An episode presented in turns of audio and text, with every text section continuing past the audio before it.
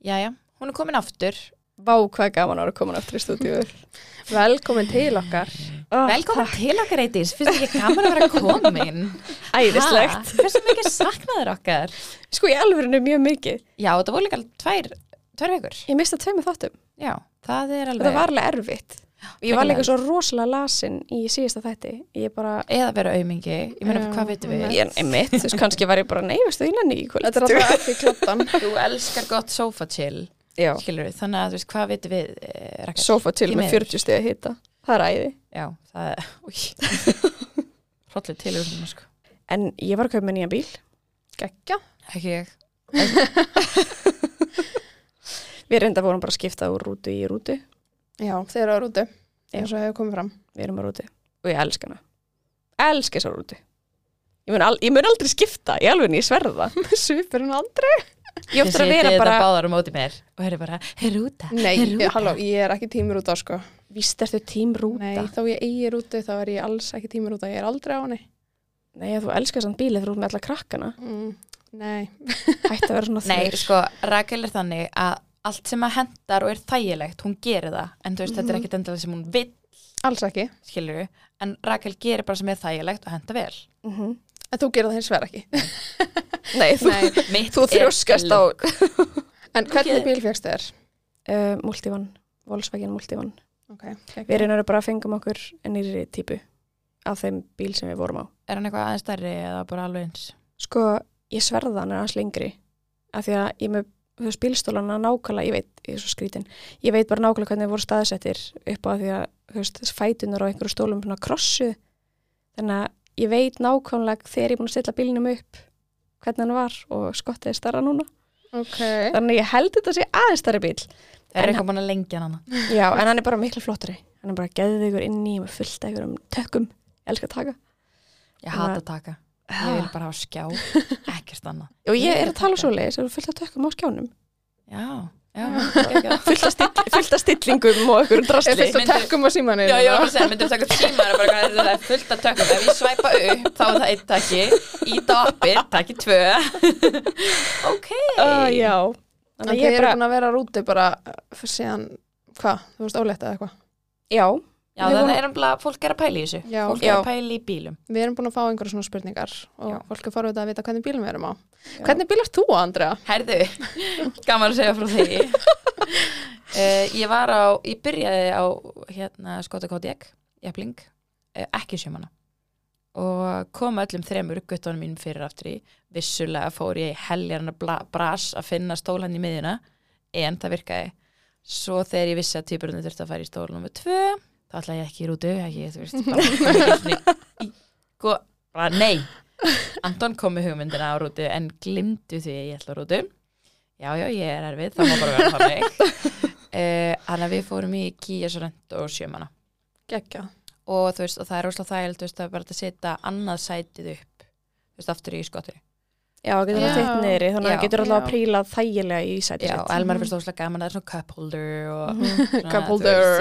það er svo fyndið hvað finnst þetta skemmtilegt. Ég veit það, sko, en ég man að sjálf líka þegar að mamma og pappi kefti nýja bíl þá var þetta að setja svona miðjursætið svona niður og svo opnaði það, þá var svona hægt að vera með hendina og hægt að setja það sem að hera setur í dag þá er meitt cup holder glasahaldari það er það er líka borð. Ég var að henni þegar við keftum bílinni, ég bara sjáðu það er svona borðina og hún var bara oh my god! Þú veist, og hún var bara eins og henni varst svo Já. sturlað. Og hún er alltaf bara mamma mæn út af borðið. Því ég bara nei ekki mér erum að ferð. Rakel, þú ert á, þú gafst þig. Já, sko, þegar ég var ólétt þá náttúrulega fyrsta pælingin bílinn og við ætlum alls ekki að rúti. Skilja Uh, uh, við mátum hérna eitt multivann af því að ég er svo, mikið að reyna að pressa mig á að kaupa rúti og ég var bara, mm, mm, ekki fucking sjans í helviti. nákvæmlega en svo Eh, sá Kristoffer ljósið það var Sko, já, við keiptum okkur Pusjó 5008. Hann er með svona þremur heilum sætum í miðurinn. sem að allir bílar nú til dags ættu náttúrulega Nei, í alverðinni, Mhm. því líka fucking vesenni að finna bíl sem er svona. já, Að því að þú veist, við þurfum eiginlega að vera fjórhildrefni bíl en þarna voru við bara eitthvað, æ, ok, kaupum bíl sem er ekki fjórhildrefn. einmitt Gekkja bíl, ég sé eftir honum, ég get alveg sagt það, en við sérst, fengum okkur hund og svo vorum við au pair og þú veist, við þurftum eiginlega að, eh, veist, vera með stærri bíl, að því að við erum vissilega með tvo bíla, þannig að þú veist, einn fjölskyldubíl sem er stór, þannig að við fengum okkur Benz Vito, sem er nýjum hana. Já, Kristó gaf sig þarna og það þurfti alveg smá samfæri mig en, en já, Kristós og Ljósi og náða að samfæra þau já, en hérna ég, eitthvað, ég get eiginlega ekki sagt að ég elska hennar bíl sko, mér finnst þetta alveg fínt þegar að vera möll en ég fer aldrei á honum nema ég neðist þess. skiljanlega En þú veist, vissulega mjög þægilegt að setja vagnin í heilulægin í skottið og allt þetta. Eitis kom á sínum sko Já, Ég kom á einmitt. mínum, ég elska hana bíl. Ég bara, ég elska að keira þetta. Minn er reyndar sko, við erum alltaf, þú veist, Benz Vito er alveg aðeins stærri heldur en multivanin. Já, hann er hann- lengri. Já, hann er alveg tölvört lengri en hann er fjórhaldrifin. Það var svona eiginlega það sem að selta okkur hann. Já, Ég er bara með svo kósi að sitja í þessu. Maður situr svo hátt uppi og ég bara, stelpa, Úff. ég elska hana bíl. Það er bara eins og að kera strætó sko. Þetta er, ég, veist, ég er náttúrulega bara orðið svo vönið núna, veist, fólk horfa bara að bakka þessum bíl og fólk er bara, ha, hvernig bakkar þessu? Ég var mist ekkert mál. ég bara þetta að takka Það er svona fyllt að tökka Það er svo takkarinn á mælaborinn hjá mér, ít og taka. En við erum í búið yrjuverslunar. Herri, ég var að kaupa svo sæta kvöldagala Oh. Þeir eru svo finnir í þetta Þannig frá Enfant. Og neymir að þeir eru svo litlir Og grannir ennþá. Mhm. Og þeir fara í þessu kvöldagala Og með loðið Þeir eru svo svo mjög mann eitthvað svona klípað á þeir En mér ást ógeðslega sniðið hvernig kvöldagalanir eru. Og, Nú ok, nú sést ekki hvað ég er að gera En ég er að neppa einn uppi. Það neppist svona fyrir Svo rennur kvöldagalanum upp. Mm -hmm. Þannig að það er svona double protection á bringun og hálsvæðið Og svo er rennilásin líka ekki í hálsunum að þeim. Nei, hann er svona Já. tvö og fjöfaldur til hliðar þannig að það er líka ógeðslega þægilegt að klæða þá í og úr Ok, mér finnst þetta nefnilega, ég leita eftir þessu í kuldagölum Já. og úlpum reynda líka að rennilásin sé ekki í miðjunni af því að það böggar þau svo mikið í hálsin og þetta nuttar hálsin Mm -hmm. og höguna þannig að mér finnst alveg mjög mikið Já, sérstaklega þeir eru svona lítil. Mér finnst ekki skipta máli eins og með þannig Nei, nei, aðalega þeir eru svona lítil sko. En sko, máli með þessi útiföld fyrir ennfant, það er 20.000 mm vassaldni, til dæmis í þessum kildagölum. fullkomi fyrir íslenskar aðstæður. Já, þannig að ef eitthvað vantar kuldagala þá myndi ég hafa hraðhendur því ég veit að það er ekki mikið til. Þannig nei, þetta er eiginlega bara að vera búið, sko. já, bara nú er síðasti séns að tryggja sér að gala fyrir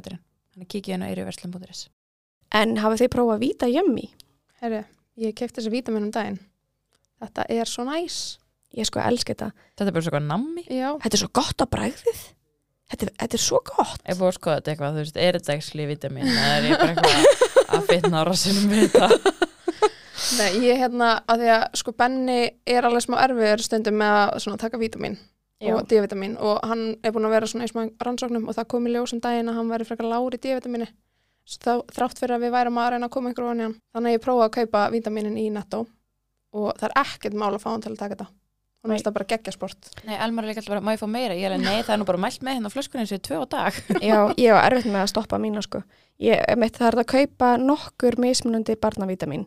Það er að fá annarkvort bangsa eða þetta er svona litla perlur Já, og sko, hera vill náttúrulega bara allt sem er bleikt. mm -hmm. Þannig að hún er að velja núna upp úr dollinni öll bleiku vítaminin, en ég er ekki búin að segja hana þau eru rauðuleitin, en hún er að velja þessi bleiku og ég er bara hvað ég gera þú hún klárar allir þessi bleiku? Þá er bara, þú ferð ekki neitt nema að fá þig bláa. Já, Já, ég myndi kíkja á þetta í netto og kaupa fyrir krakkana og sjálfun ykkur því að þetta er líka fyrir fullona og svo er eitt með samkaupappið. Það er hægt að nýta það í verslunum á kassanum. Ég skauðst í netto um daginn að kaupi pítsu og ég er alveg bara svona, ég geti ekki notað þetta sjálfsakaríslinn, hún bara, jú, ekkert mál. Og ég skannaði bara QR-kóðan og borgaði gegnum appið já þetta, er mjög, þetta er mjög þægilegt og mjög einfalt Herri, ég prófa nýja skál á Mækæ mm, Hvað skál? Jú, uppáhaldi þitt Snær? Já, svo gott Það er Karmelu ekkert smá perlunar Já, ég hef alveg verið til í svona ekstra því. Sko, ég væri til að kaupa þau snæ og svo karmelu perlur í póka Vá, akkur byrjaðu ekki með það Bara svo, Svo þau eru gott, með sko. granólað og, og kókosflugur Já. En ég er sko skrítin, veit þið hvernig ég borða þessa skál? Ég veit ekki hvort ég að segja fólki frá því. Byrju bara, bara fólk ekki þetta er bara venjulega, þú veist, Nei. maður tekur af efst og með Nei, neðst og reynir nei, svo að nei, fara nei. í svo ég að sæð sko Acai. Nei, Asa- sko, ég, Að ég gref svona undir og byrja að borða, þú veist, granólað og acai. Acai, jésu stelpur. Acai Já, en ég borða það fyrst og ég svona reyni að borða svona halva dollina. Þannig ég eigi í raun og veru sko allt gumsið ofan á eftir með hálfur dolli Herðu já, Emil, hvað er búin skálinn þín, Rækir? Heyrðu, ég fæ mér alltaf örni en núna er ég að elska Frey pop-up skáluna Herri, hún, vá hún er svo góð Þetta er þetta er svona, þetta er Arna með tvisti, ég vil Já, meina það. hún er rosalega góð hérna, að hafa jógurt með. Vá, Já. mm, það er geðvikt. Sko, Prófið þetta, Ég vil meina bara Arna er best, en Freyr er alveg upp þær, sko. hún er mjög góð. En Krista komið styrlaða staðrind, varandi Mækæ. Hann Nú. elskar Mækæ. Og hérna, Asaí grunnurinn þeirra, hann er beint frá Brasilíu. Og þar er vist alvöru. Asaí. Þannig Þetta er svo sexy Já. Þannig að þetta er, þetta er legit hjá þeim og þetta er geggjað. Hendi ykkur á mækæ, fá ykkur hennar skál. En við erum að fá til okkar gest. Já, hann er haldur að fanni. Þetta er ofurmamma. Já, væga sagt. Hún er með uh, þrjá stráka. Eldri strákurinn hennar er langveikur og svo er hún með tvíbura og þau fóru gegnum heljarna prósess að eignast þessa tvíbura. Já, ég er mjög spennt að heyra hennar sögu. Já. Með að við svona það sem ég er búin að heyra frá þér og því að þú kannast það svena. Það Já. var gaman að fá að heyra hvernig þetta var allt saman. Þetta er mjög áhugaverð saga. Ég mæli mig að hlusta. Let's go.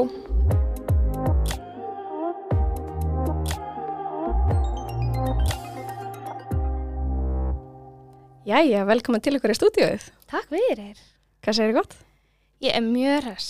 Það ekki? Jú, alltaf á síðustu stundu þess að dana, en hér er ég. Erum við það ekki alltaf? Jú, ég held það. Var með svo mikið að bönnum mamma svolítið seitt. Þetta er allan eitthvað sem maður þarf að venjast.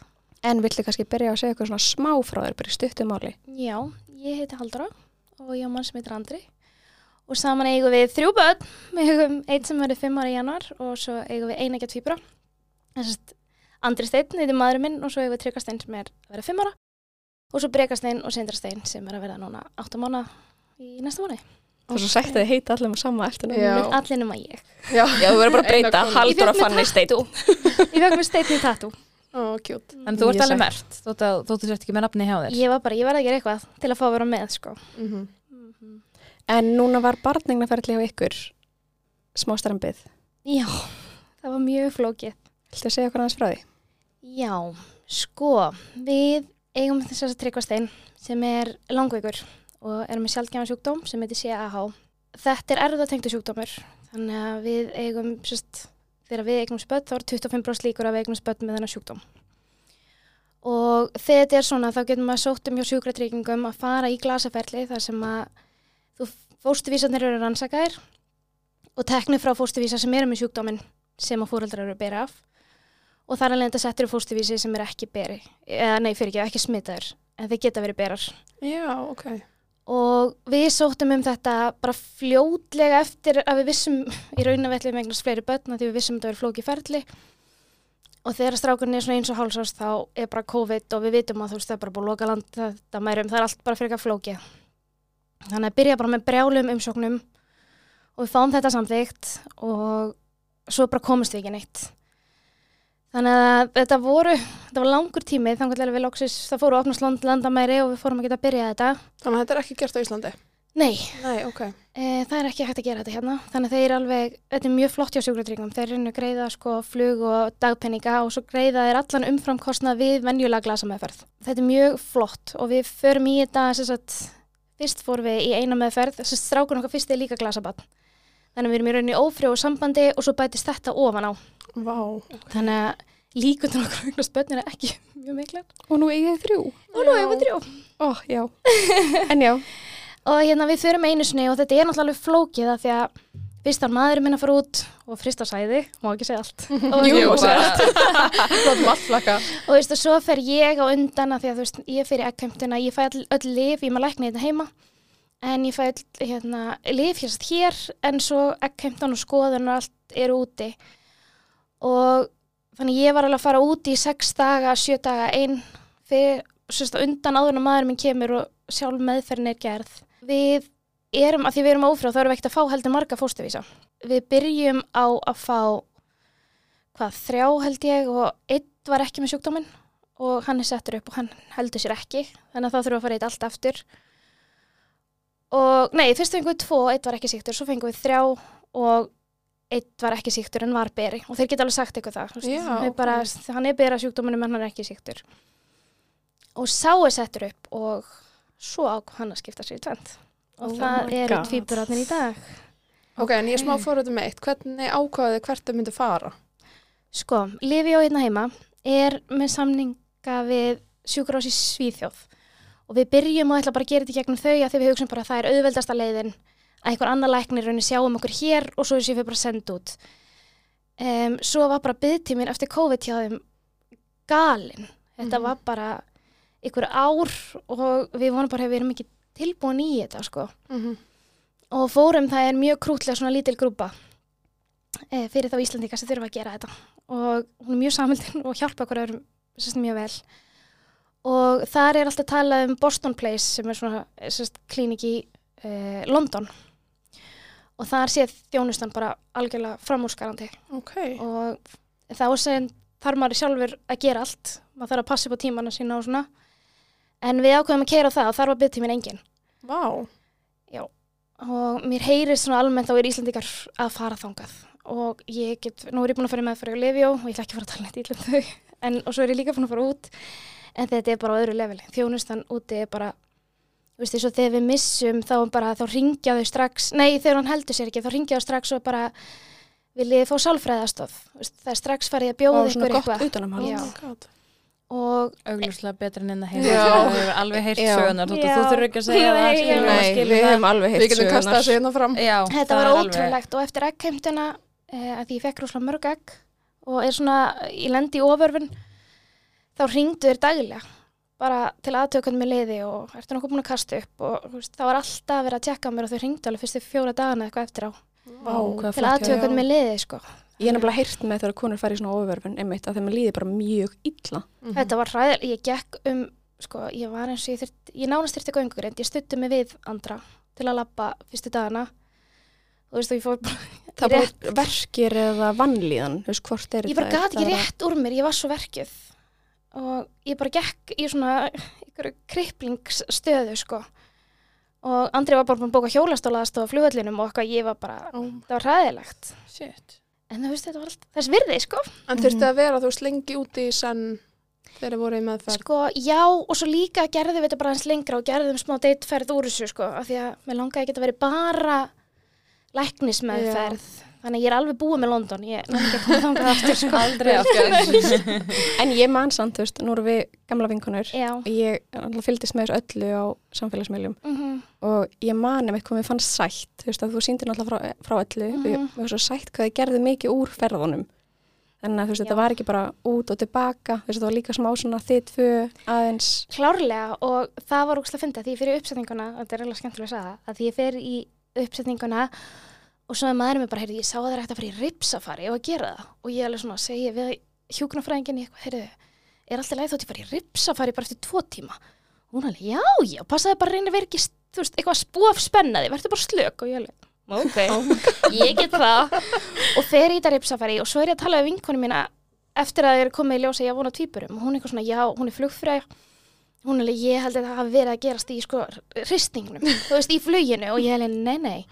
ég fór í ripsafari, kannski skipta sér bara í stvenn þar þannig að, veist, það er alls konar kenningar að fólki langur í tvíbura, prófa að fara í ripsafari Já. En þið væntilega vitið þó mjög, mjög snemma þegar með tvíbura. já, mjög Hva, á hvað viku? sko, að ég hef heyrt ykkur aðeins tala um að fara oft í sónar Já, það var ég. já, ég tengi alveg við það ég, sko, mamma besta vinkunum er kvennsjútumalæknir Mhm. Þannig að hún var aðeins að hjálpa mér í meðferðinni, kemur svo í ljósa hjá hún á sest, batni og þá býður nokkur alltaf stelpunum að koma vikulega. Ó, Ó, hvað er sagt hjá henni? Það er mjög sætt. eitthvað getur að fengið númer hennar. Já, fyrir næsta á mér. Eitur búin að kaupa svona tæki Já, svona doppler. Já, hún var eitthvað svona, já, vilt ekki bara koma í næstu viku? Bara, þeir eru búin að pissa prófið, sko. En hvað ertu komið langt þegar þú pissar, eða þegar þú færð að vita og sért ólétt eftir meðferðina? Uh, maður ekki komið fjóra vikur, Já. ég held að. Jú, svona cirka já. þrjára hálf til fjóra vikur Mhm. er það alveg að fyrsta sko. Mhm. Ok. Og ég fer þangað og það sést ekki neitt, en hún segir bara svona, þetta er eðlilegt að þessu stíi og nema ég er bara spærala, sko. Ég fer í eitthvað algjör kast og daginn eftir þá heyri ég læknum sem gaf mér öll lifin, sem sagt, fæðingalæknum svona sem sáu mig og hann eitthvað svona, komdu bara að kíkjum aftur. Hann skoða mig og hann eitthvað svona, heyrðu, það er bara komin eitt næstisboki og við getum þar leðandi örgulega bara útilega týpura. Og ég, Okay. sko, það segir En það? býtu, það var samt bara settur upp eitt fóstuvísar. já, já. Já. það er settur upp einn og hann segir þetta, og ég veit ekkert af hverju en það skemmtilega er að tengdamóðum mín var búin að tönglast á því að þetta yrðu tveir strákar. Ok.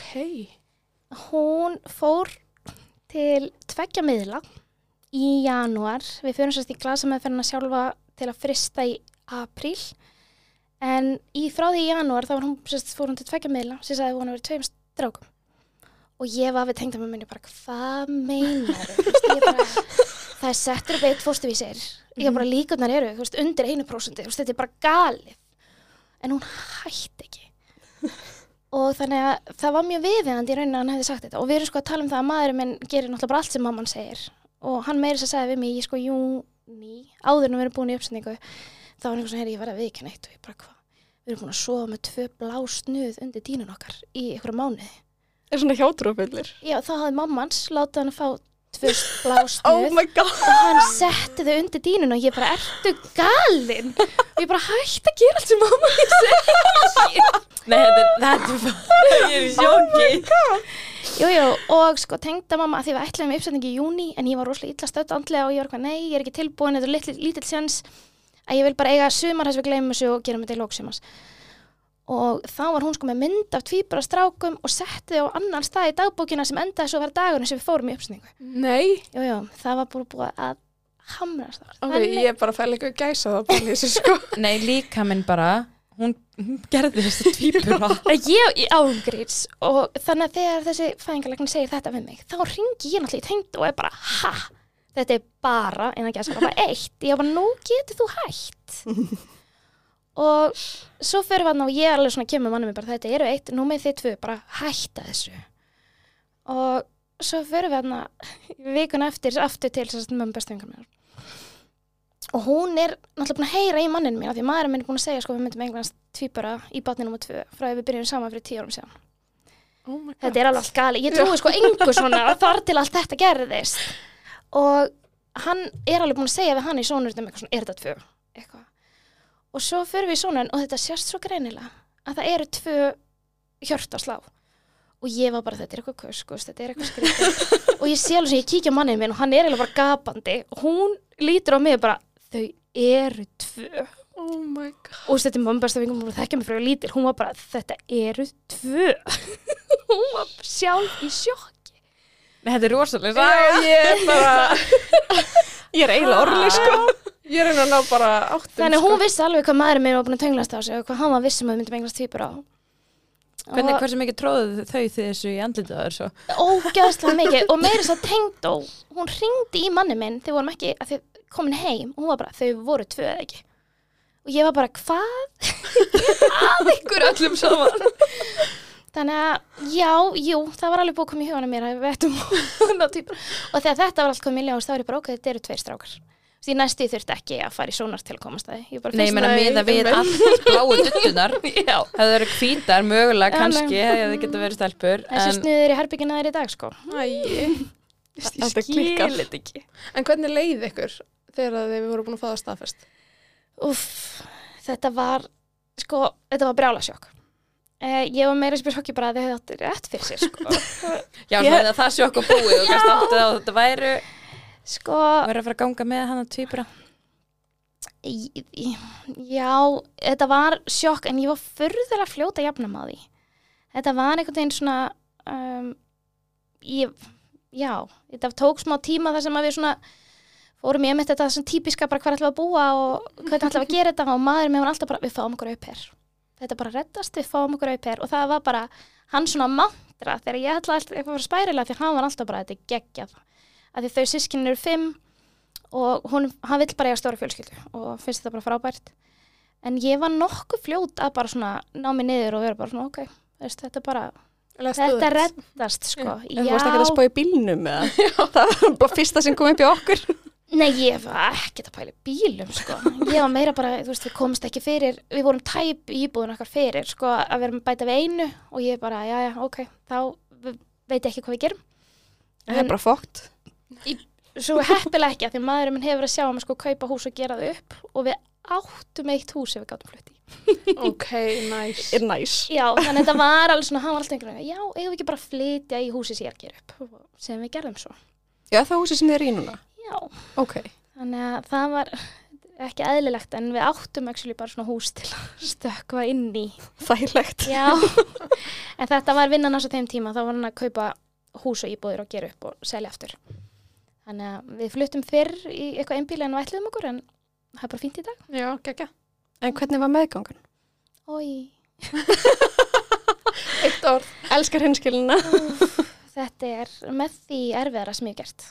Ég var rosalega veik. Bara strax, hvenær byrjar þetta? Sko það er máli, ég var mjög ógl- mér var mjög óglætt með eldristrákin og þegar ég kemst að í þessu sónar örglega koma með þá sex vikur þegar komum tveir hjárslættir og þá segir alveg mamma, bestu yngur mér svona, þú, þér er samt ekkert óglætt og ég var bara, nei hún, nei, oftast er slíðu konum verð með tvíbura og það var bara svona eins og hún hefði bara kveikt á sko. Þetta kveikir á höstum, Já. sko. Þá varði ég bara, ég var rosalega veik og ég kastaði svakalega upp og vanlíðan var bara allan daginn og svefnin, nei, nei hérna þreytan er, þetta er ekkit eðlileg þreyta, ég held að maður Nei, get þetta er ekki, svakaleg þreita. þú veist, ég held að enginn sem hefur gengið með fyrir nýtt bara skilji þreytur, ég veist, ég tók mig þryggja tóma lúra, bara í hátteginu, eins og ég einhver unga bann. En svo náttúrulega líka með batt fyrir, þú veist, það hjálpar ekki. Þú veist, það var bara Nei. ennþá meira álæg og þreita. Já, en pappin tók það bara yfir, sko, hann, ég, ég gat ekki sendt honum, sko, ég var bara, ég gat ekkert borðað og ég bara lá fyrir, þannig að Var það svo alla meðganguna eða hætti það á einhverju tímpúndi? Sko, svona svakaleg vanlíðan var alveg fram í 25 eða eitthvað. Vá. Vá, það er langur tími. Með ælandi eða bara, þú veist, bara gast ekki og borðað. ég eldi fram að fæðingu. En ég eldi alltaf eftir lyktum eftir svona 25 vikur. Þá, þú veist, ég á, ég á myndir af mig kasóletta ælafröð á spítalan bara rétt fyrir fæðingu, sko. En það voru alltaf eitthvað lyktir og það var eins með strákin. Það var eitthvað svona ruslalikt sem ég gati ekki. Ég var bara að segja, ruslalikt tryggeraði mig alltaf. Já, og hún er út um allt, þú veist, þú ert eitthvað starf að labba úti og allt í einu er eitthvað sem glemt að tæma rusli sitt, eitthvað Já. starf. En mér leið ekki, þú veist, og ég var bara, ég fljótt komið í grindina og ég var samt ekki stór. Alls ekki, sko. Ég fekk ekki þessa típu, sko, ég var alltaf verið að segja mig hvað ég væri lítill í rauninni og pen og eitthvað. En þetta var bara rosalega krefjandi og ég gæti lítið tekið þátt og einmitt var alltaf þreytt og ég var hægt að vinna og ég dyrka vinnunum mína. Þannig að mér var stróslega leiðilegt að það veri tekið af mér. Og þurftur að hætta að vinna. Ég var hægt 20, og- 22 vikur eða eitthvað. Já. Já. En fyrir það var ég búin að vera að vinna svo lítið. Það var eiginlega ekki neitt og mannustjórnar hjá okkur átvíbra. Já, ok. Þannig að hún ringdi í mig bara þegar ég var komin mjög stutt og var bara, þú veist, þú bara segir mér hvernig þú vilt hætta. Ég veit þetta er ekkert, ekkert grín, sko. Hann er meir en fullu stuðningur. Já, þá- já. Bara, Hún bara hefur gert þetta, sko. Ég var bara múin að minka við mig og ég hef alltaf verið að reyfa mér rosa mikið, eða ekkert alltaf, frá því að strákurinn fættist. Og allt svona verið hvernig tekið af mér, sko. Mhm. Þannig að ég gæti ekki byrjað að, með að byrja eitthvað aftur. Þannig að það var erfitt að vera sko grándaður. Ég var í rauninni bara eitthvað svona first to lazy boy stól Mhm. og það er ekki ég sko. Það er líka Ég- bara erfitt fyrir hausinn. Já. Já, Það er bara erfitt að vera fastur og geta ekki gert neitt. nei og maður lærir alveg að meta það aftur að hafa líkamann sinn og geta unnið og geta hreift sig og fara í göngutúra og leikið með börninu einum og eitthvað. Einmitt. Ég gætt ekki neitt. Ekki það í dag væri alveg til ég að vera bara först við sófan, sko. já, svo þegar maður hefur þetta ekki, þannig að maður maður En hvernig var síðan fæðing? Var, var hérna stemdur á legangafæðingu eða keisara eða? Já, sko A-typunum var bara skorðar hjá mér frá 16. viku. Hann var bara í höfustöðu sem satt, Mhm. eða ekki skorðar. En hann, hann var bara í klófin á mér. Hann var rosalega neðala og ég fann ros, sérstaklega þegar hann var stærri, mikið fyrir að ég væri með höfuð í klófinu. Og þannig að það var alveg sagt þú veist, hann er ekki að fara að færa sig úr þessu, sko. Þannig að þá stemdum við alltaf á legangfæðingu og fæðingin hjá eldri stráknum gekk rosalega hratt fyrir sig. E, þannig að þeir voru á mjög miklu varbergi með mig.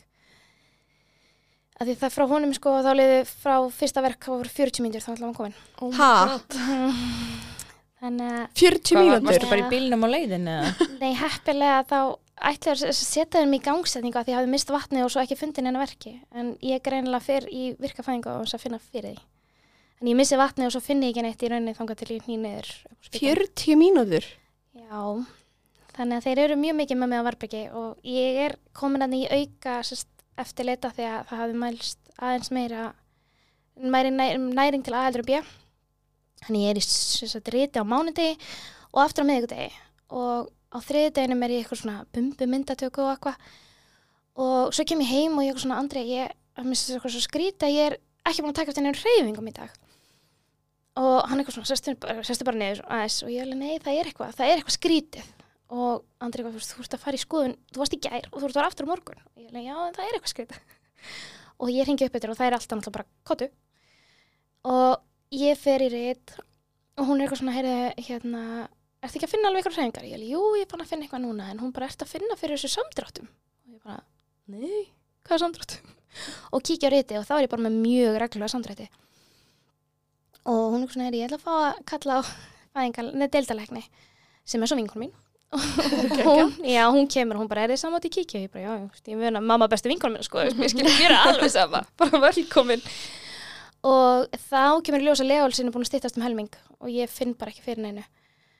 Og hún bara, heyrðu, við erum bara að fara að leggja inn og hérna, og fá, að því ég er komin hann 35 pluss 4 og þegar meða við það komin yfir 34 að gefa þessast ekki hríðast, nei, hérna lungun. Mhm. lyf fyrir lungun, já, stera einmitt hana, já. og þú veist, við gefum þið það og við reynum bara að stoppa fæðinguna og láta þetta virka. Og það eru tveir dagar. Og hún er svona, já við finnum bara með þig hérna e, á sengulu Nei, djók. Ok, ég bann ekki neitt, þetta voru 33 pluss 5, ég gekk ekki svona langt. Og svo er ég sett í hjólastól. Og svo er mér trillað þriðju hæð og ég alveg, og það er eitthvað svona, ertu búin að hringja manniðin og ég alveg, nei. Af hverju?" og ég bara í alveg hafði hlaupið út sko, ég kvart hann ekki valla, ég sagði bæði við brannið mitt og svo bara fljóður ég út. Og það er eitthvað, nei, hringdi manniðin og ég alveg, mm, ok. Og hann kom og hann er eitthvað svona horfa á hérna, mælingarnar á hriðanum hann bara, þú ert í, sko, það er allt í gangi ennþá. Og hann bara finnur ekki neitt. Og ég nei, ég finn ekki fyrir neinu. Og vinkon mín sem kemur inn og hún bara, við erum ekki að sjá alveg að mikið stoppa á þessu og við viljum þannig að ég er alltaf einhvers að er ég farin í fæðingu, ég finn ekki fyrir neinu. En svo allt inn droppar þetta allt. Og ég er þarna tvo dagum alla. Og svo fer þetta í rauninni bara svona svo takaði hríðastofandi og það er ótrúlega fyndi hún segir við mig bara svona, já, ertu tilbúin?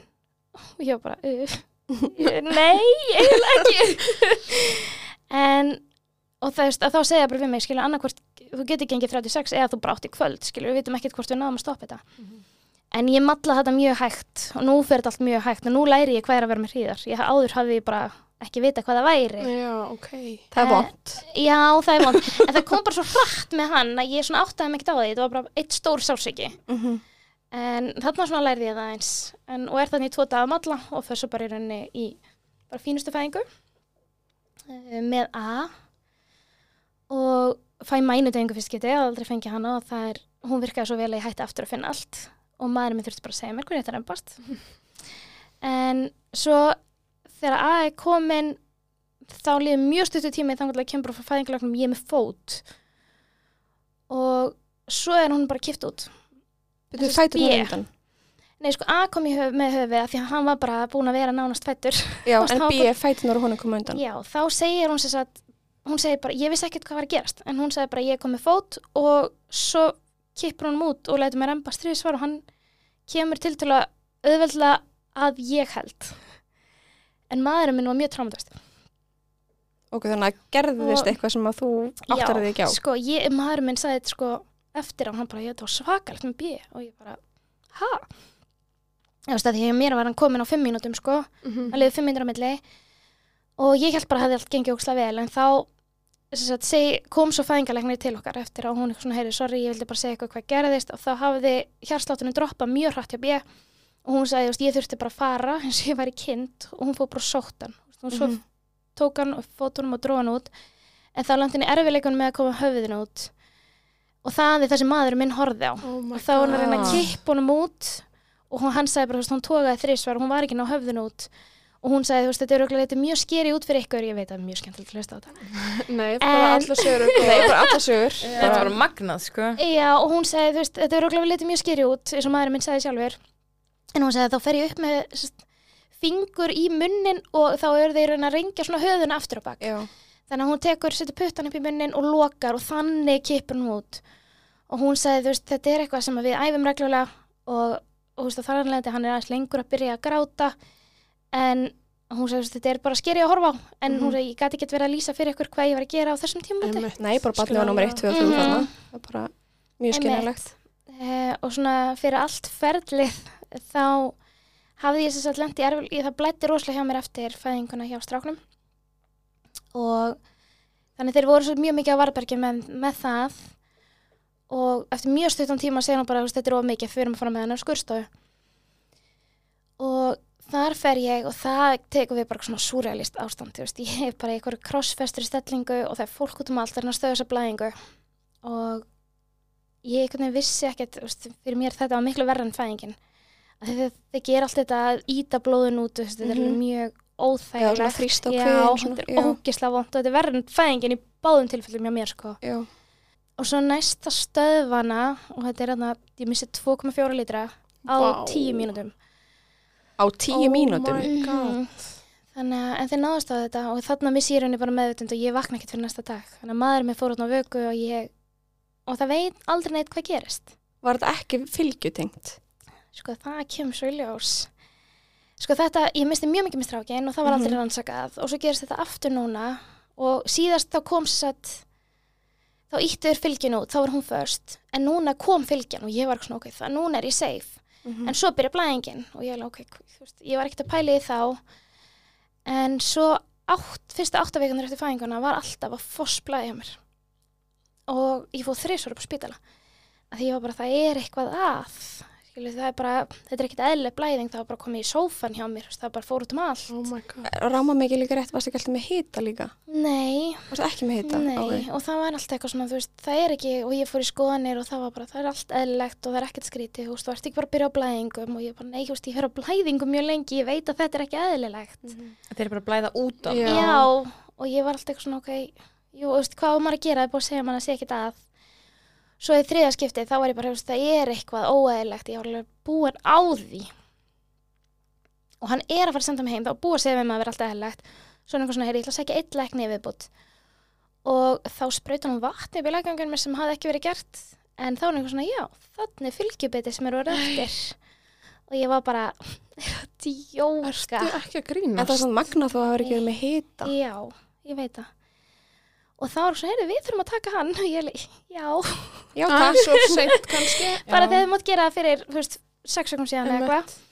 En þá fyrir ég aðgerð það sem hún er tekin og þar kemur í ljós að ég er með eitthvað sem ég man ekki hvað heitir.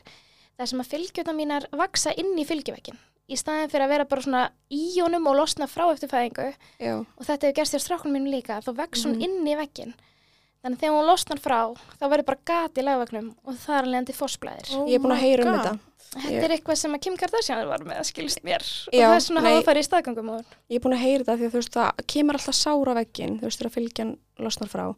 En í þessu tilfelli, tilfelli þú veist það kemur bara svona gat, Gat. eins og það lýsir. mm -hmm. En meðist magnaðar hafa ekki kveikt á þessu. Eða þú veist þeir hafa ekki eins og Já. hugsað út í þetta. Sérstaklega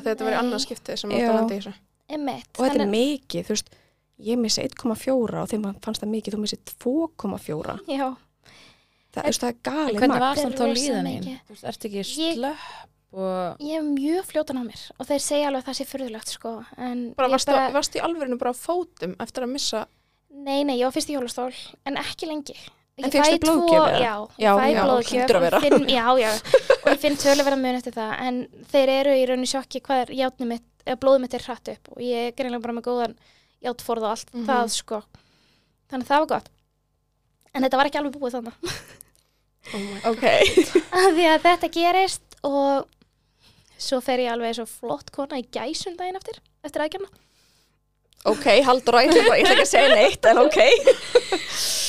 og, og hérna svo er allar stelpunar úti eftir kramúsið þá sitja allir úti bara nánast berra sær, það geggja veist, það er allir bara eitthvað í, með handklæðun sig og ég kom með þrjú teppi og ég er bara svona, hvað er að ykkur, það er ógsta kalt. Og stelpunar voru bara, það er ekki kalt.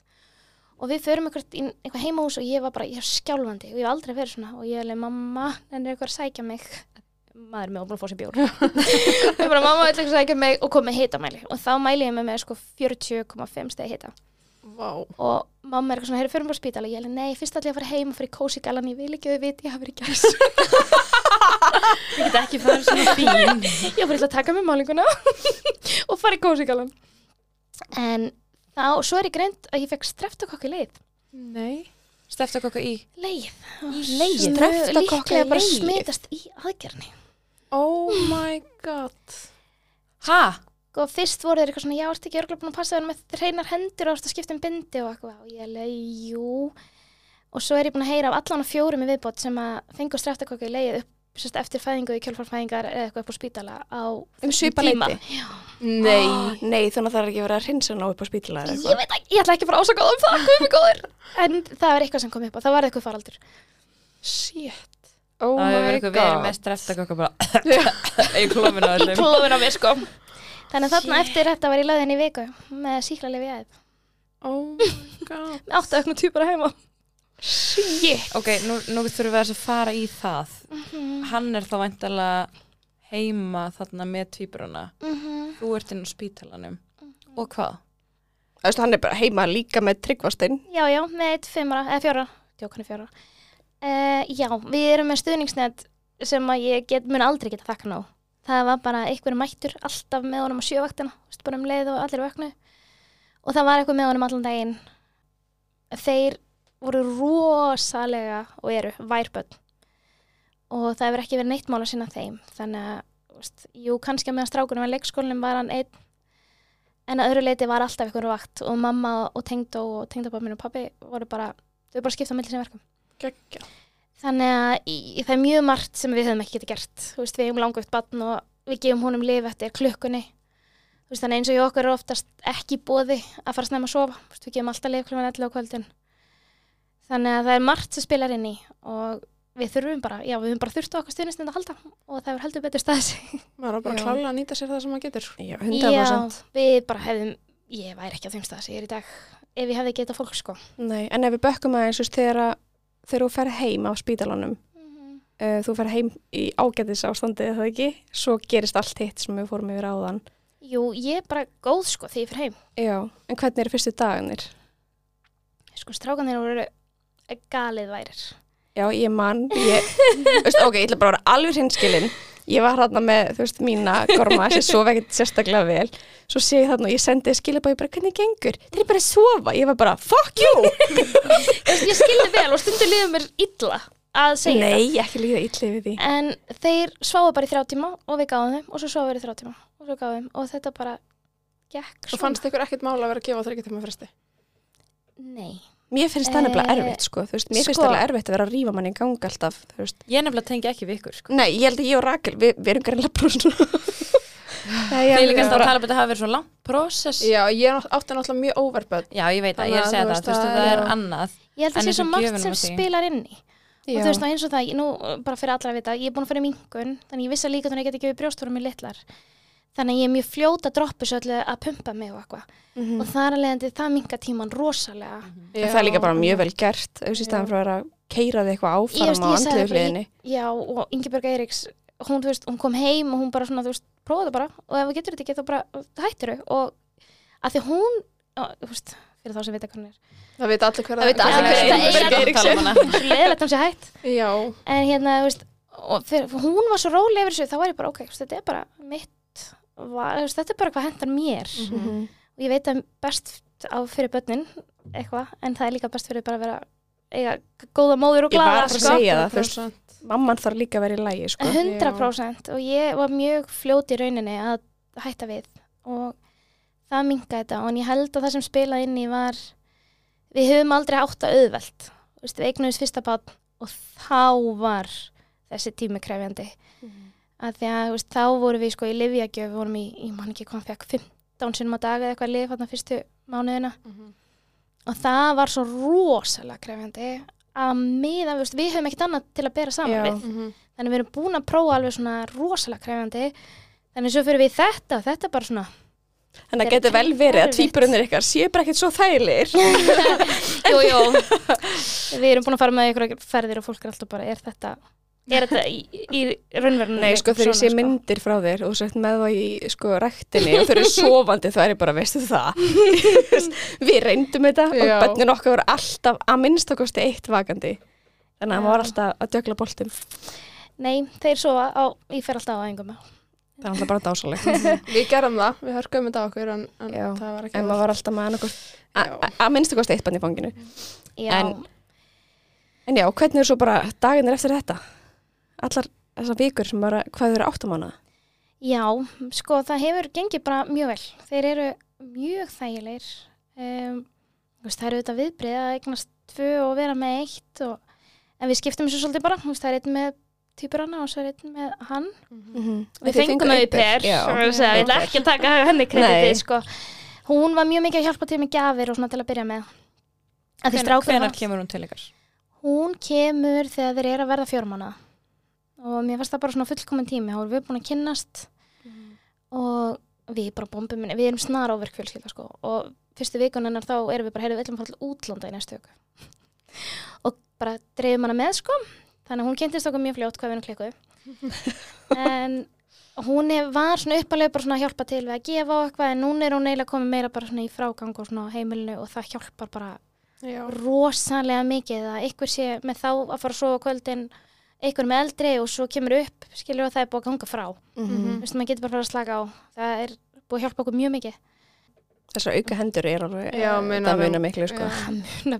Um hverja einustu mannesku sko. Mhm.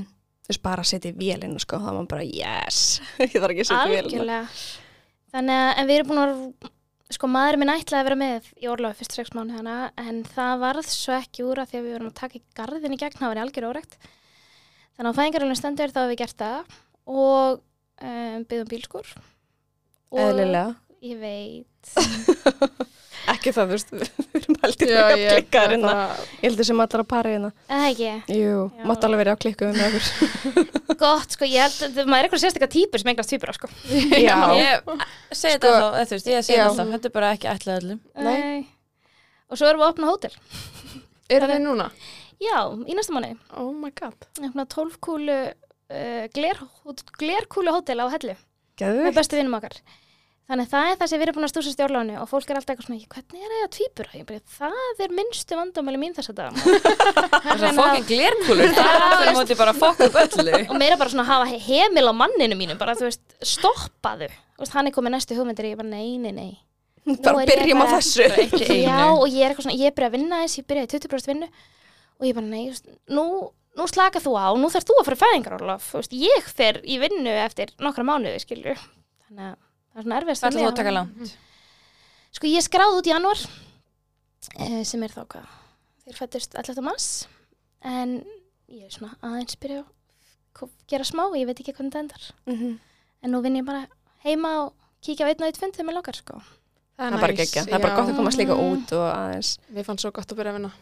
Já. Það er kósi, sko. Það er mjög gott. Það er gott að borða í friði Mhm. og við þetta enginn alltaf að tröfla maturinn. En eru þeir samstiga? Þú veist, hafa þeir alltaf verið, þú veist, finnst þeir eru mjög líkir og þeir eru alltaf verið samstiga, þú veist, með að lifta höfðið á sama tíma, byrja að skrifa á sama tíma. Þeir eru ólíkir persónleikar. Mm Eh, þeir eru með mjög mikið svona A og B enginni. Það er alveg þess að ég var, í, ég var kom bóði á þann og þá er A miklu varar um sig. Veist. Hann er svona, ó, verður alveg svona óreilegur í nýjum stað og meðan B er algjör trúður. Hann bara stend, situr og hlær og, og passar allir horfa á sig meðan hann hlær sko. og þeir hafa gert rosa mikið svona fyrstu hlutina út frá því hvernig karakterar eru. Veist, annar A byrjaði að rúlla svo undan einhver svona velti á meðan B byrjaði að frussa undan. Þú veist þeir svona gera því eftir hvernig karakterar þeir eru. En það er ekki langt á milli. Þeir fengu fyrstu tönnuna sama dag. Þeir fengu eyrnabólgu sama dag Þeir eru alveg einegja. Já, þeir eru rosalega einegja og þeir, það er alveg bara svona maður kýtlar annan og hinn er hinum enn í húsinu og hann bara að hlæja sko. í stundum er ég bara svona, ég skil ekki þess að tengja ykkur sko. en þeir eru þeir hafa alltaf drukkið á saman tíma ég passaði það alltaf sofið 100% í takt það er bara, það vaknar vakna innan korters eða eitthvað en það er Mhm. ógislega fyndi og mjög hörða á sig og ég svepp ég, pældi, ég hef alltaf pælt mjög mikið í svefni barna og með, þú veist, annar sopna eitthvað svo skrítin tíma, þá svona, tók ég pinna og bara, já, ég kallar minn, þú ert að fara að sofa. Ég veit ekkert hvort þú ert þreyttur en ég mun svæfa þig. Og það hefur alltaf gengið. Þú veist, það bara ekki síðast í, í veikindunum skilju, þeir voru veikin núna bara, voru klára eyrnambólku og þá var ég bara, já, já, ég veit ekkert þú varst að vakna, þú bróðum fyrir að sofa, þú fer aftur að sofa. En, en ég held að það sé svona fyrir mér mesta sjokki eftir Já, af því það er krefend að vera með eitt veikt barn en að vera með tvö er bara level sem ég var ekki tilbúin í sko. nei, þetta er Já, Ég held að Þetta skilja það enginn virkilega sko. erfitt sko. Líka því að þú veist, þú ert með veikt bat þá viltu geta gefið þau 100% mm til veikabatsins en með tvö börn, hvernig ætlar að fara að því? Þú ert að deila þér eitthvað á milli þeim líður báðum illa -hmm. þannig að þú veist, ég sá um þú varst með að báða bara í svona karriér Já, framan af því þeir vildu bara vera í fangi og ég bara, þú veist, þeir eru með 40 steg hita, ég skil eitthvað vel mm -hmm. þannig ég bara sendi SOS á um og afgrúpuna, ég bara, með vantar auka hendur. Já, Og eitthvað gott að geta sendt Mhm. Já, ég er bara við mömmu bara, já, nú hætti þú að vinna.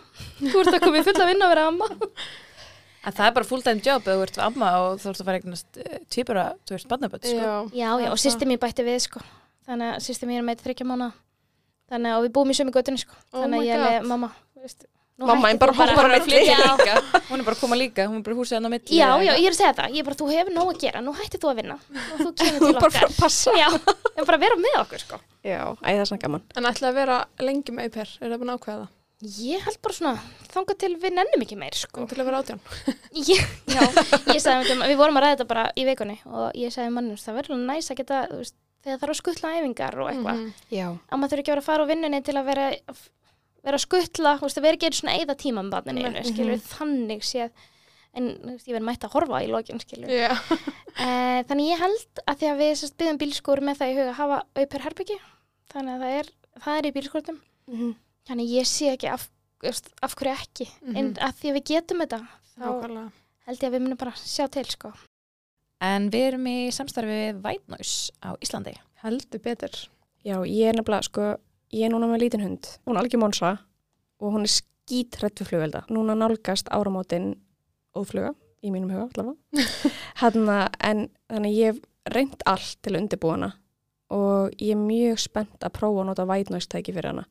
Ég er búin að heyra að þetta tæki virki vel á gældir. Þannig að ég er mjög spennt að sjá hvort þetta hjálpin ekki. Ég er inn á hundasamfélaginu. Já. Það er heldur Af betur því að búið þú að átt koma. svo mikið hund. Ég átti, ok. ég er ennþá inn á hundasamfélaginu, hvað voðalega leðið eru þetta. en hérna, og þar var bara heil umræð um þetta. Og þá hafði einu verið að kaupa sérst White Noise tækið.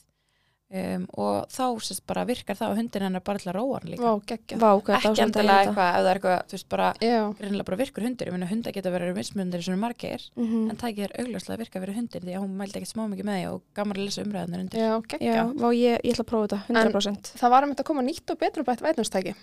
Núna er nýja típan með ESB-C hlæðslusporti. Hversu næs er það að geta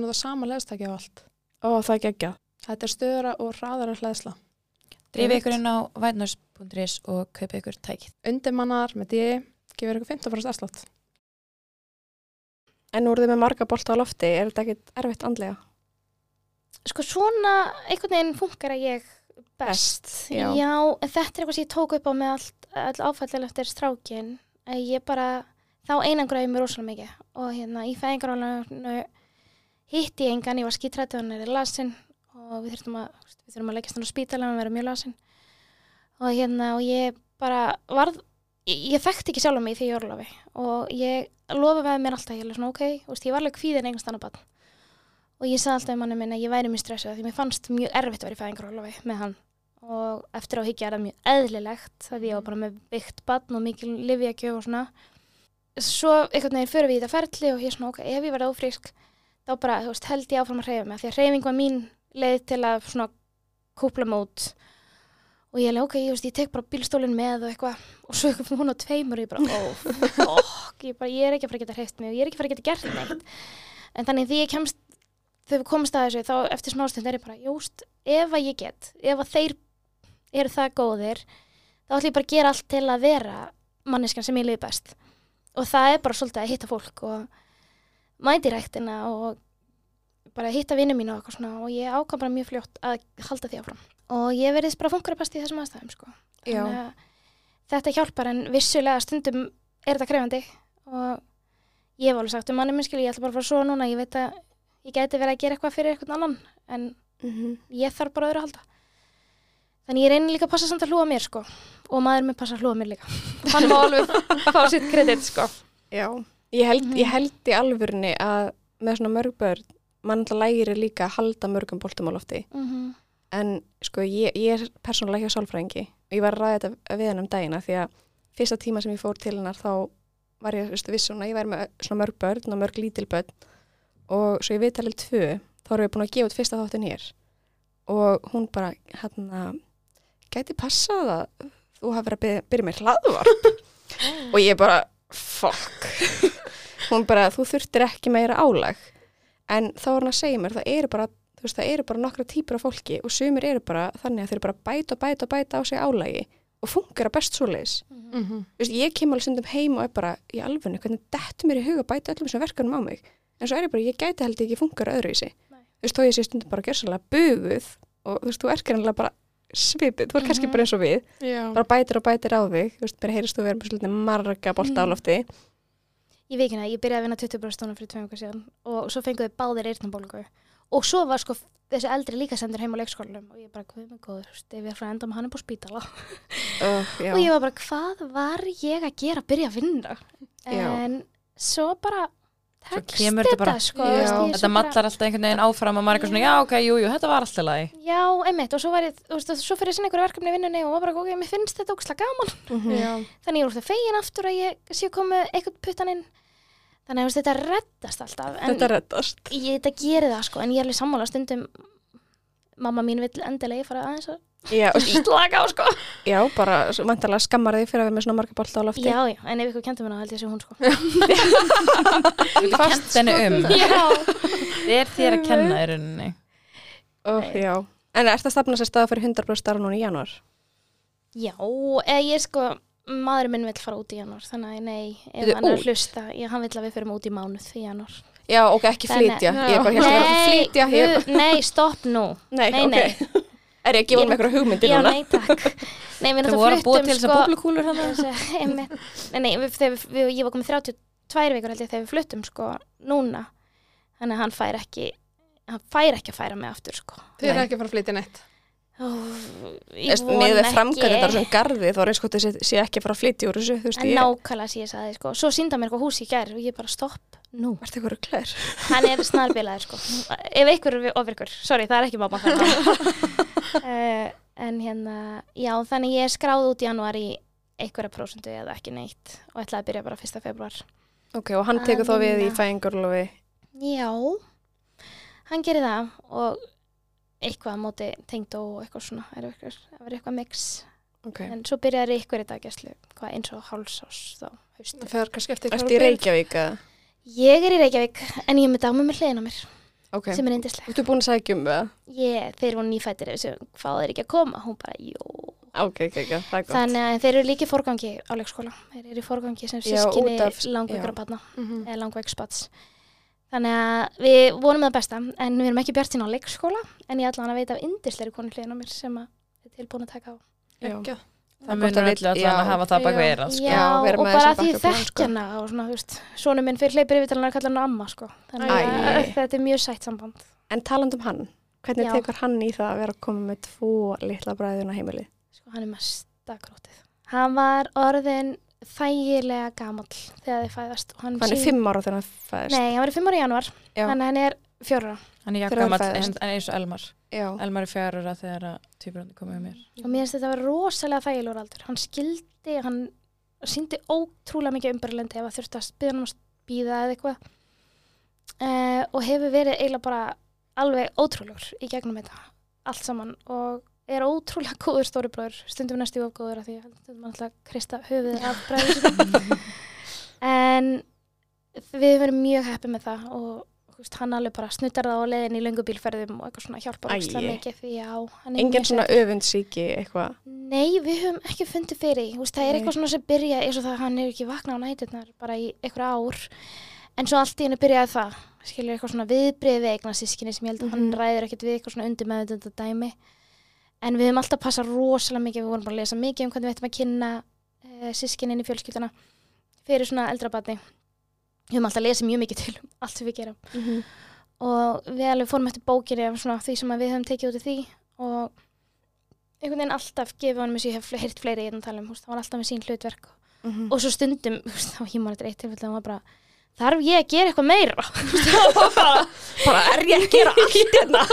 Ég fengi þetta líka bara, ég nenni ekki að sækja bleiu mamma, ég var að sækja Akkurat. Minn er svolítið að vinna með að hann er ekki umsjónamaður í dag. Já, já, að læra það á leikskóla þig Þú eru að setja bara vikur. Mándum, miðgundum, fyrstum, með hinn að það ertu frí. Þessi börn eru svo fyndin sko. Þetta er ekki og hann er, já, hann er búin að vera mjög góður en það er alltaf, veist já, það er alltaf áhyggjur út af honum, sko. Já, maður er alltaf með samvinskupið ég persónulega, ég er alltaf með samvinskupið gagvart eldra barninu einhvern veginn. Já, og ég er sko komið framtíða samanskopið ég er bara svona, þeir verða að gefa eitthvað vinir að ég er hætt, sko, ég mun ekki ég var að fara að spyrja Já. þið verið hægt ekki séns að ég Ok. eignast fleiri börn. Að því þú veist, í fyrsta lagi þetta er bara ógisla flóki fyrir okkur. Já, og ég fyrir líka minn, veist, ég var svo veist, bjúið og bara, mér leið ekki vel veist, í öllum þessum hormonameðferðum og ekkemtunum, þú veist ofurinn og þetta var bara rosalega krefjandi. Og svo taka náttúrulega við meðgöngur báðar hræðilegar. En ég vil meina, þú veist, allan rætti þetta allt þá fæ ég alltaf þægilega unga börn. Já, En ég sagði manni minn, ég veist, ég bara, og, þú veist, allt þetta með allar í gegna stelpu, ég bara, þú veist, ég á bara þrjá indislega stráka. Og ég er alveg góð, sko. ef hann ætlar að fara ég með, með langar í fjórðabarni og maður minn er búin að segja við mig þurfi þá finna mér annan mann Andri það kannski þá bara finna sér aðra konu Já, já, gangjur og verð. Nei, þetta er bara komið gott og hann sagði það um daginn, hann var alltaf einhvers já, ok, við, nú stoppum við. Þá, ég veit ekki hvað gerist, ég veit ekki hvort þeir voru búin að vera svona erfið.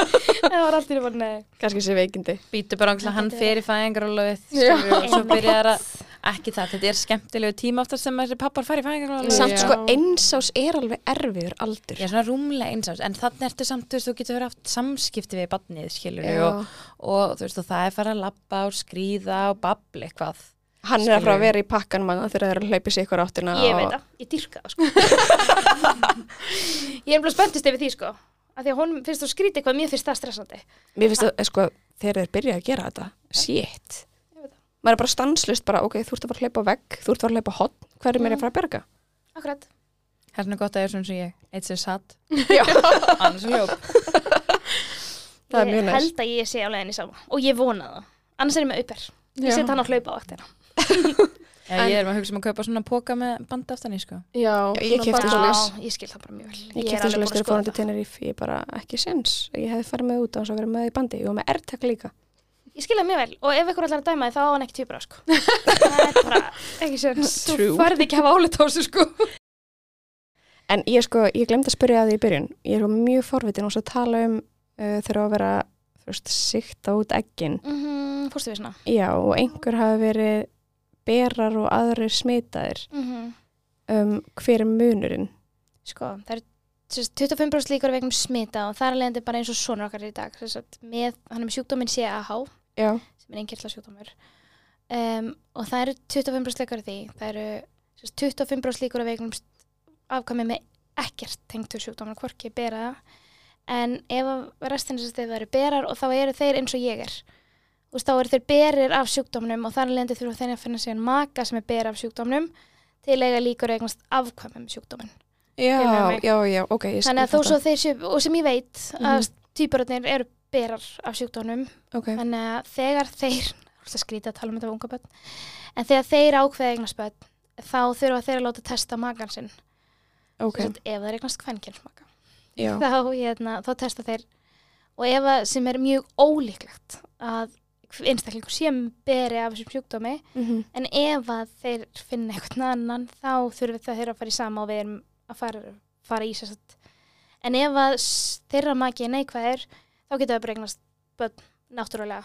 ok, og sem er jafnvel kannski ekki berar þá af sjúkdónum. Ó, já, nei, þeir geta verið berar. Berar, já, Já. ok, En ekki, sem en núna- ekki verið með sjúkdóminn, bara Nei. berar. já. Nei. ok, Og það er eins og er í minni fjölskyldu, þú veist. Ég ætla ekki að fara að nefna öfn, en þú veist, Nei. aðilar í minni fjölskyldu hafa látið testa sig og þeir eru berar, sko. Þannig að ok, þannig er hann til þess að badd fái sjúkdóminn þá þurfa báði fóreldrar að vera með, Já. já, og eins og lækninast tryggvasteins svona mér sér sagt, þú veist, við erum öll berar af alls konar það eru allir með alls konar, þú þarf bara að finna hinnaðilan og svo eru 25-50% líkur. Veist, við við vera rosalega góð búin að sjúkdóm til af því að við hann að þrjá fóstuvísa tveir eru smitaðir. Þú veist, í bæðis tilfellinu meiri hluti fóstuvísin okkar smitaður sko. Þannig að þetta eiga ára 25% líkur en ég veit Og það er líka stundum tilvílun að þið séu bæði með þetta. Það er, já, við erum ekki gerð fyrir hvort. En með að þú tala þá held ég séu bara flott, sko. Já. Já, mér heyrist það. En það er eins og að- ég var að segja, veit þessi líka með sko einingja tvíbröðdæmið. Uh, aftur líkur, það er sko morandi af einingja tvíbröðum í fjölskyldunum minni. Það er, þú veist, Ég, það sko, er, Kári þarf að fara að endur sko þetta. er Ég, sko, bara, ég er að segja ykkur það. þetta er að nákvæmlega sem ég sagði. Senda hans að þetta inn og, og láta hlusta. Já. Ég, bara, ég neita að trúi þess að því ég veit um svo mörg tilfelli það sem er fullt af einægja tvíburum ykkur fjölskyldu bara langa Mhm. liðir aftur og bak. Þetta kom náttúrulega fram í tvíbarþáttunum. Sko, Já. já, Atriði. af því að hún segir þetta í þáttunum og ég var bara, það er hluta og fjölskylda mín var öll bara, já, af því að það er bara búið að vera, veist, hver, það er alltaf búið að vera bara, hver er næstur? Já. Svo kom ég og það var allir svona, já, þarna kom hann, Mhm, að þetta er bara búið að vera, þú veist, ég held að pappi hefur talið átta tilfelli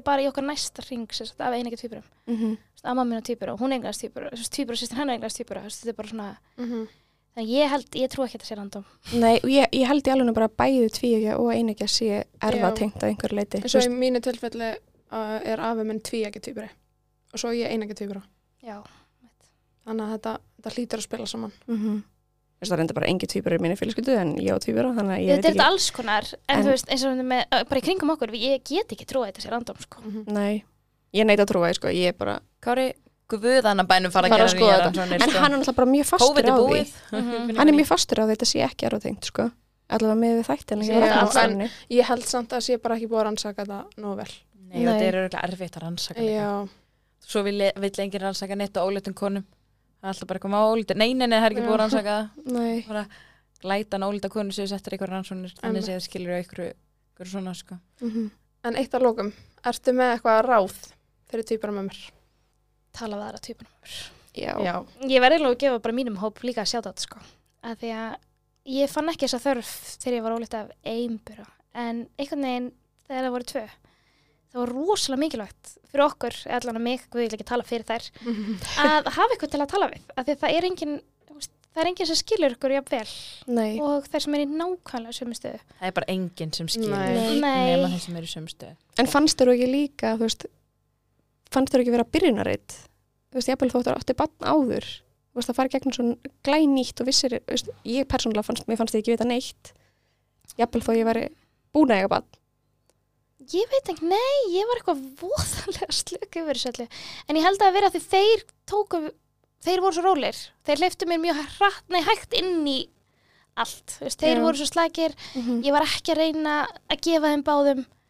Veist, þeir voru á vöku, já, við tölum ekki það. Þú veist, þeir voru á vökudeildin og þau svona spurðu hvort við liðið einblíðan á brjóstið að pelan. -hmm. Og við sögðum alltaf pelan, veist, þannig að við vorum aldrei, það var alltaf verið að gefa sig hvorum, skilur þetta var, við fengum mjög hægt inn í þetta allt, þannig að ég Mhm. var einhvern veginn, fannst mér frekar fljóta að átta mig, veist, daginn eftir ég kom heim á spítalinn var ég fór með strákin á fótboltæfingu, Þú veist, ég var ekki í þessu nýfættur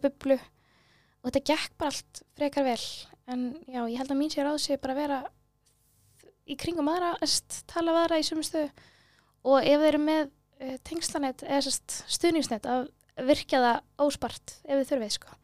Það er þarf- mjög mikilvægt. Já. Það þarf fleiri að leita Já. ef það er hægt. Það Já. þarf þorp. Það er bara svo leiðis. Ágrín sko og veist, líka bara taka eldristrákinu okkur þú veist.